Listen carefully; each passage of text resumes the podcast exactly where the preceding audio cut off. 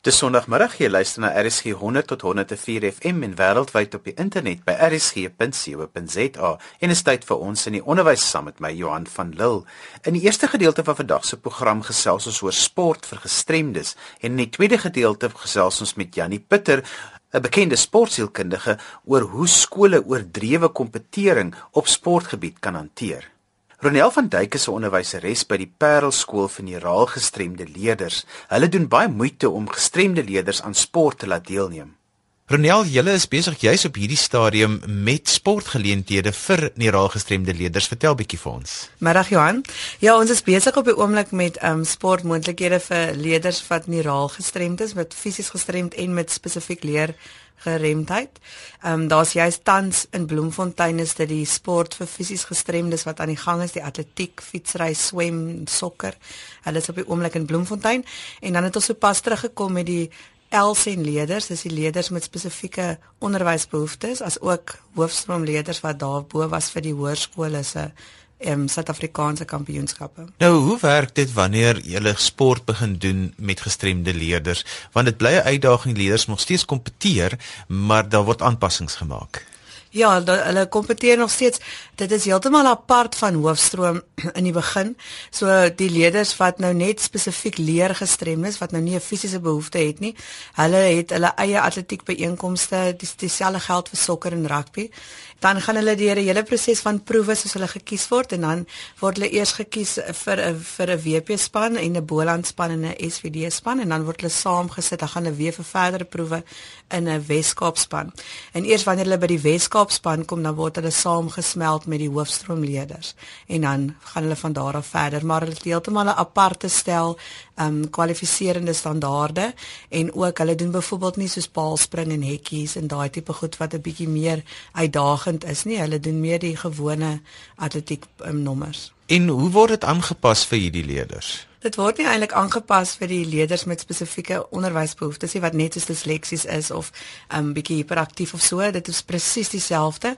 Ons het ook dowe leerders wat deelneem daarso. Al wat aanpassing daar is, daar's 'n um, 'n dowe tolk as jy dit so kan stel wat dan langs die afsitter staan en dan sign vir die leerders dat hulle kan sien wanneer om weg te spring want hulle hoor mos nou nie die geweer nie. En ehm um, hulle het net verskillende kwalifiserende standaarde. So hulle word nog steeds hanteer as 'n atleet, maar met 'n verskillende kwalifiserende standaard. Kom ons praat oor leerders wat fisiek gestremd is want dit het nogal 'n bietjie van 'n ander uitdaging. Ja, nee, dit is heeltemal 'n ander uitdaging want daar kom by die rolstoele, ehm um, toiletering, al daai tipe goed. So dis nie net vir klim op 'n bus en jy gaan nou deelneem nie. Hulle sou kom ons nou weg Bloemfontein toe en dit is taamlik moeilik want die hulle moet almal met in die bus kom rolstoele onder in die bus as daar gestop word langs die pad vir 'n badkamer of so, dan moet al die rolstoele eers onder uit die bus uit. Die kinders moet eers weer uitgedra word. So dit baie uitdagings vir vir die fisies gestremde leerders. Watter items is daar vir die fisies gestremde leerders? Die fisies gestremde leerders doen byvoorbeeld al die hardlope. Dit hang af van hulle gestremdheid in watter items hulle mag deelneem. Dit as ons die kinders met amputasies mag nie in al die wedlope deelneem nie want hulle word baie keer bevoordeel teenoor die ander wat dalk 'n hemipleeg is of so. So hulle het al die gewone 100, 200, 400, 800 en dan is daar ook soos verspring en party doen hoogspring, maar dis baie min wat hoogspring doen. Die verspring en die hardloop is meer en dan is daar baie fietsry. So wat met hulle aangepaste fietses soos die driewiel fietses, gewone resies fiets maar dan nou net drie wiele wat daarmee ry en dan is daar sokker vir die serebraal gestremdes en swem is baie groot. En dan vir 'n kind in 'n rolstoel, watter opsies is daar? Hulle het 'n um, gewigstoot, spiesgooi diskus en dan hulle aangepaste stoele waarin hulle getel word en dan vasgemaak word van waar af hulle gooi uit die sittende posisie uit. En dit is baie tegnies al daai reëls en goed van die die stoel waarna hulle sit mag byvoorbeeld nie beweeg nie, hy mag nie loskom in die oomblik wanneer hulle hulle word vasgemaak en hom so die oomblik wanneer hulle byvoorbeeld na vore kom en hulle het half hulle bout gelig of hy het geskuif dan is dit 'n tel dit nie want dit mag nie gebeur hulle moet styf vasgemaak word dat hulle sittend bly. So dis 'n baie streng gereguleerde gedeelte. Ja baie.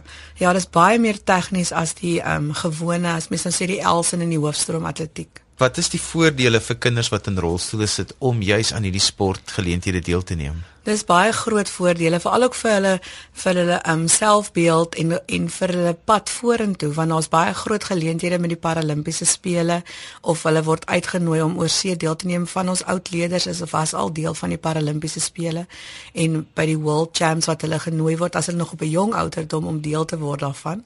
En um so dit is goeie geleenthede hulle word al van kleins van kleins af blootgestel daaraan en neem hulle deel saam met van hierdie groot sterre wat al by die paralimpiese spele was. So ek dink en dit laat hulle ook meer self glo in hulle self en vir hulle laat wys dat hulle kan iets doen en want ons baie daar's so hulle doen tafeltennis ook in rolstoele en dan ons mos nou die basketbal maar dis nou nie deel van die atletiek nie wat ook in die rolstoele is. So daar's baie geleenthede vir 'n kind in 'n rolstoel en self wat 'n amputasie het om iets verder te doen vorentoe in sport. Want dis dis wat ek wil vra is wat is die ander sportgeleenthede? Atletiek is nou maar hierdie deel tyd van die jaar. Wat is daar nog wat die leerders kan doen? Baie interessant is vir rolstoelleerders is daar mos rolstoel rugby. Dis is so groot hier in Suid-Afrika op die oomblik of in die Wes-Kaap nie. Dit hang maar af van jou toerusting en mense wat dit kan aanbied. Ehm um, mense kan dit nogal gerus gaan kyk op YouTube is nogal wild soos wat hulle rolstoel rugby speel in hulle stoele. Dan is daar groot in die Wes-Kaap is die rolstoel basketbal. Ons het taamlik kinders wat daaraan deelneem. Hulle oefen Dinsdae aande in Athlone of in Belwelside. En dan is daar nou die swem wat groot is, dan is daar sokker vir serebraal gestremdes. Daar's ook ballroom dancing vir kinders in rolstoele as ook serebraal gestremdes wat baie groot is. So daar's regtig baie geleenthede, daar's tennis in rolstoele. Daar ons regtig die mense probeer baie hard om vir hulle 'n grond te skep waar aan hulle kan deelneem. Is dit iets wat julle dan by die Parelskool aanbied of kry julle buite mense in om dit want ek neem aan dit het spesialis kennis nodig om die afrigting te doen? Nee, dit het. Ja, ons is baie bevoordeel met want ons het fisioterapeute en ander terapeute by ons skool want hulle werk baie hoog op met die kwalifiserende en um, om te kyk wat se tipe gestremdheid die kind is en watter klas hy kan deelneem want die klassifikasie is baie belangrik. Voor elke by einkoms maak nie saak in watter sport nie word die kinders hergeklassifiseer om te kyk of hulle spiere sterker is of swakker om te kyk in watter afdeling hulle mag deelneem. En dan ons het baie van die sporte by ons skool soos rolstoel basketbal. Hulle speel dit by die skool maar hulle het ook 'n geleentheid ons het een van ons busbestuurders wat hulle dinsdae aande vat om te gaan speel by die ander klub. En dan het ons die swem ook as ook ballroom dancing. Ons het 'n vrou wat inkom wat vir hulle die ballroom dancing by die skool doen. En neem taamlik aan kompetisies deel en dan die atletiek wat ons doen met deur danksy die fisios en dan het ons ook sokker vir die serebraal gestremdes by die skool. Jy luister na RSG 100 tot 104 FM en die program is ons in die onderwys. Janie Pieter is 'n bekende sportsielkundige en ons gesels nou met hom oor wanneer kompeterende sportkulture by skole handuitdruk. Janie, is sportprestasie nog steeds so belangrik vir skole? Johan, ek dink dit is seker nou baie belangriker as wat dit ooit tevore as jy weet sport het nou 'n uh, loopbaan geword wat nie net eksklusief is vir die elite mense nie.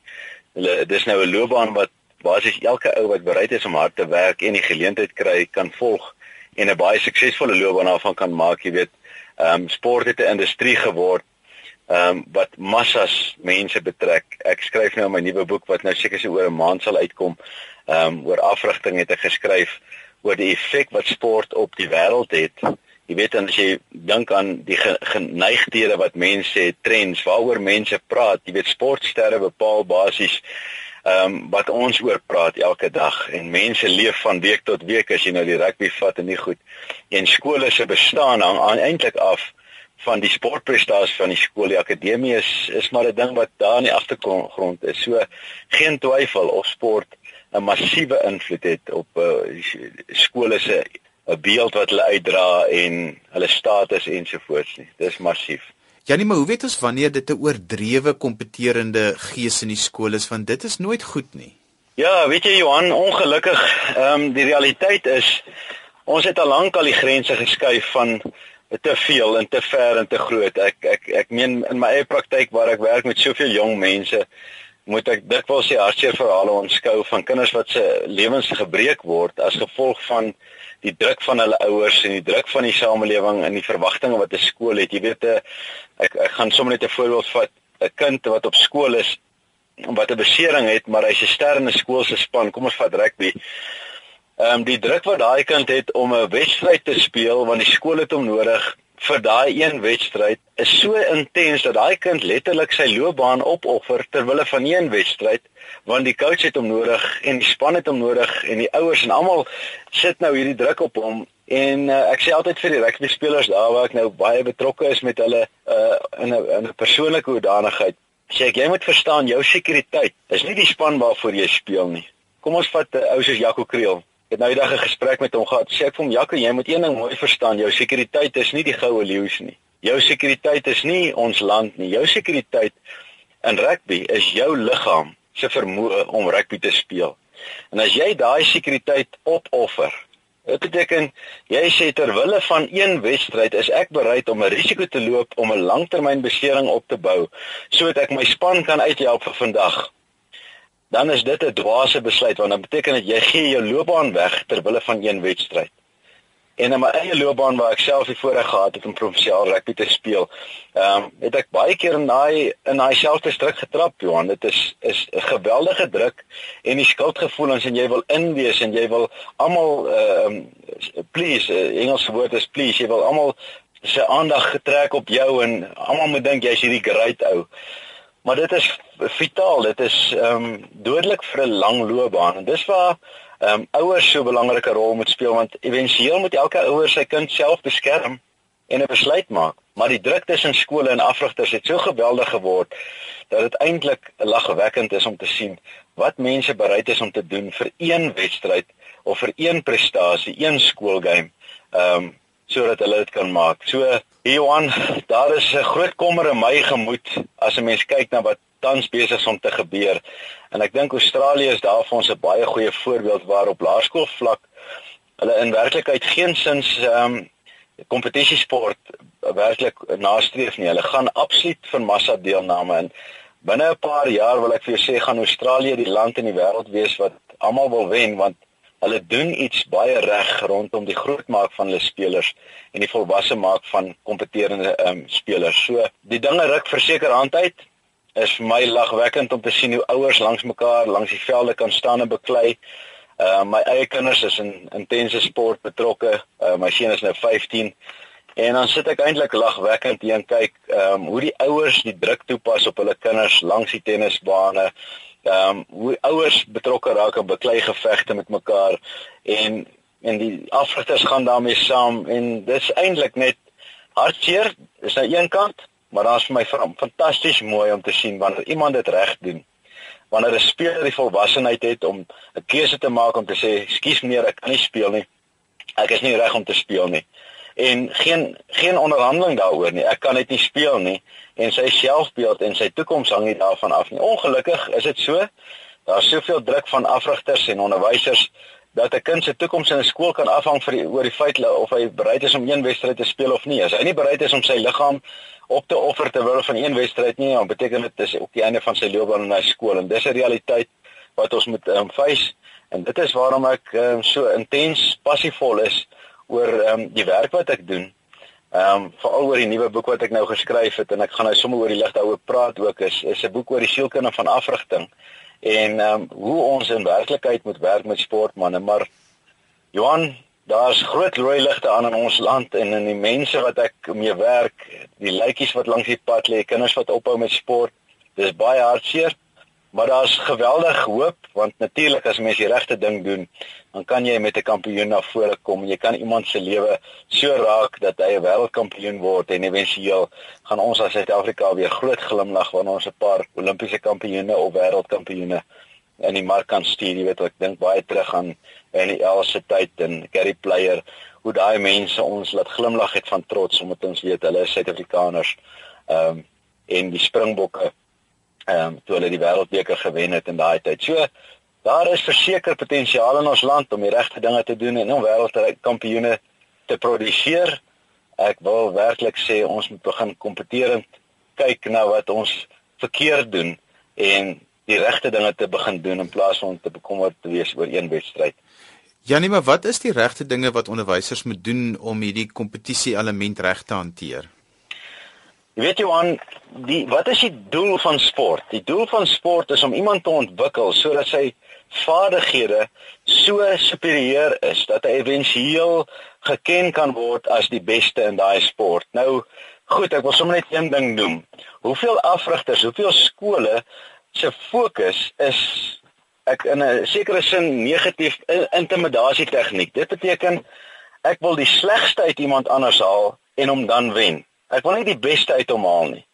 Weet daar's soveel sportmense op soveel gebiede waar as ek my opponent kan laat swak presteer die dag en ek dink ek is die wenner, dan is dit eintlik 'n hartseer verhaal want ehm um, kom ek vat nou 'n voorbeeld. Ehm um, in die wêreld van tennis nou. Sommige net hier waar my kinders nou betrokke is. Daar het nou kinders van Namibië ingeskryf vir ons nasionale kampioenskappe en kinders van Botswana en so aan. Nou kom daar ouers en hulle bel en sê maar dis onregverdig. Hierdie kinders kom nou en dan mag hulle ons kompetisie wen. Dan dink ek, okay, wat wil jy vir jou kind hê? Wil jy hê hy moet op laerskool bekend staan as die kampioen, maar op hoërskool val hy uit en op senior vlak beteken hy niks?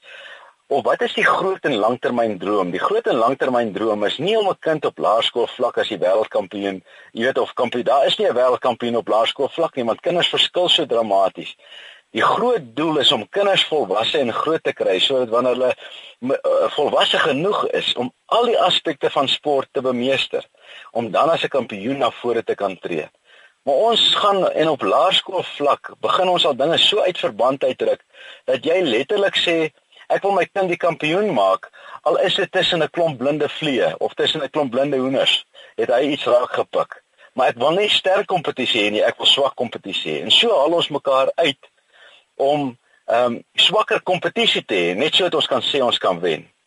En dit is die een ding wat skoolafrigters en afrigters werklik moet doen. Op laerskoolvlak tel wen baie min. Inteendeel, Die grootste gevaar wat ek sien met sportmense is 'n kind wat op laerskoolvlak alles wen, kan later net verloor. En daai kind word bang, hy word vreesbevang, hy word angstig, hy word 'n negatiewe ou, hy word 'n brat op die baan, hy word 'n brat waar hy is, want nou probeer hy homself beskerm want hy het hierdie beeld van hierdie kampioen gehad op laerskool en skielik begin die ander ouetjies groei, hulle word sterker, hulle haal dit in.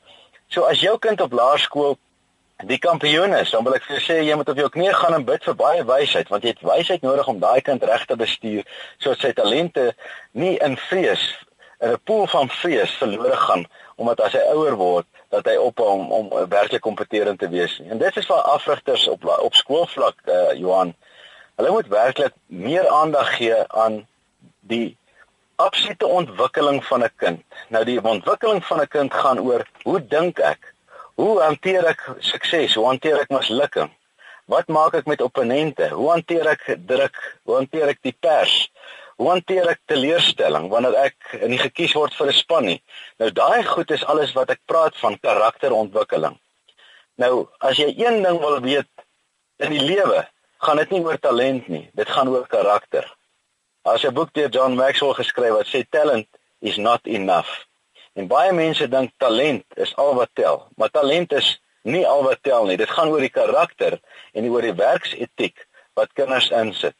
En ek wens ons kan 'n hele dag gesels want ek het nou pas hierdie boek is basies in sy finale fase en ek is so ontsettend opgewonde hieroor want uit beginsel wat ek daarin bespreek is presies dinge wat ons oortree in ons samelewing en ek wil afsluit ek weet ons tyd is amper op om te sê dink gou vir 'n oomblik hieraan hoeveel van ons afrigters gebruik oefening as metode van straf. Dit beteken my kind kom my oefen, hy lê bietjie slap, hulle maak grappies, ek word ek ek ek, strip my ehm uh, myself op die vir vir die kinders wat my tyd mors en ek sê vir hulle almal op die lyn hardloop. Nou gebruik ek oefening as metode van straf. Die kinders ontwikkel 'n weerstand in oefening. En in werklikheid as jy nie lief is vir oefening nie, gaan jy dit nooit maak nie want om die beste te word moet jy 'n passie hê om te oefen. Jy moet lief wees vir oefen. Jy moet sê ek wil die hardste oefen van al my maats. Ek wil nie die minste oefen en kroek nie. En ongelukkig, dit wat ons doen deur uh, oefening te gebruik as straf, daardeur verhoed ons dat ons kinders se liefde ontwikkel. Dis dieselfde vir boeke. Hoekom wil kinders nie lees nie? Want hulle assosieer 'n boek met skoolwerk en slegte werk en goed. Hulle het nie 'n liefde ontwikkel vir dit nie. En dit is wat afrigters moet, moet fokus en dis waarop ons ons fokus moet sit in skole is ontwikkel 'n liefde vir die spel. Dat wanneer jy hoërskool toe gaan, kom word jy vaardig in daai ding. En as jy 'n vaardigheid ontwikkel, dan gaan jy kan éventueel gaan en miskien staan jy uit as een van die wêreldkampioene wat Suid-Afrika produseer. Janie as ouers, afrigters en onderwysers met jou wil kontak maak, hoe kan hulle dit doen? Johan my um, webblad is www.janniepitter.co.za. Ehm um, so in die pitter word geskryf soos 'n golfputter, P U T T E R. En Jannie, ek dink nie mense wonder hoe jy Jannie skryf nie. Dis is dis nie Kosie nie of is Kitty, maar dis Jannie. J A N N I E. So www.janniepitter.co.za. Dis dan alwaar vir ons tyd het vandag. Onthou jy kan weer na die program luister as 'n potgooi. Laai dit af by rsg.co.za. Skryf gerus vir my indien jy enige kommentaar het op die program of as daar onderwerpe is wat jy graag wil hê ons moet aanroer in ons in die onderwys. My e-posadres is Johan@wwd.co.za. Dan groet ek dan tot volgende Sondag van my Johan van Lille. Totsiens.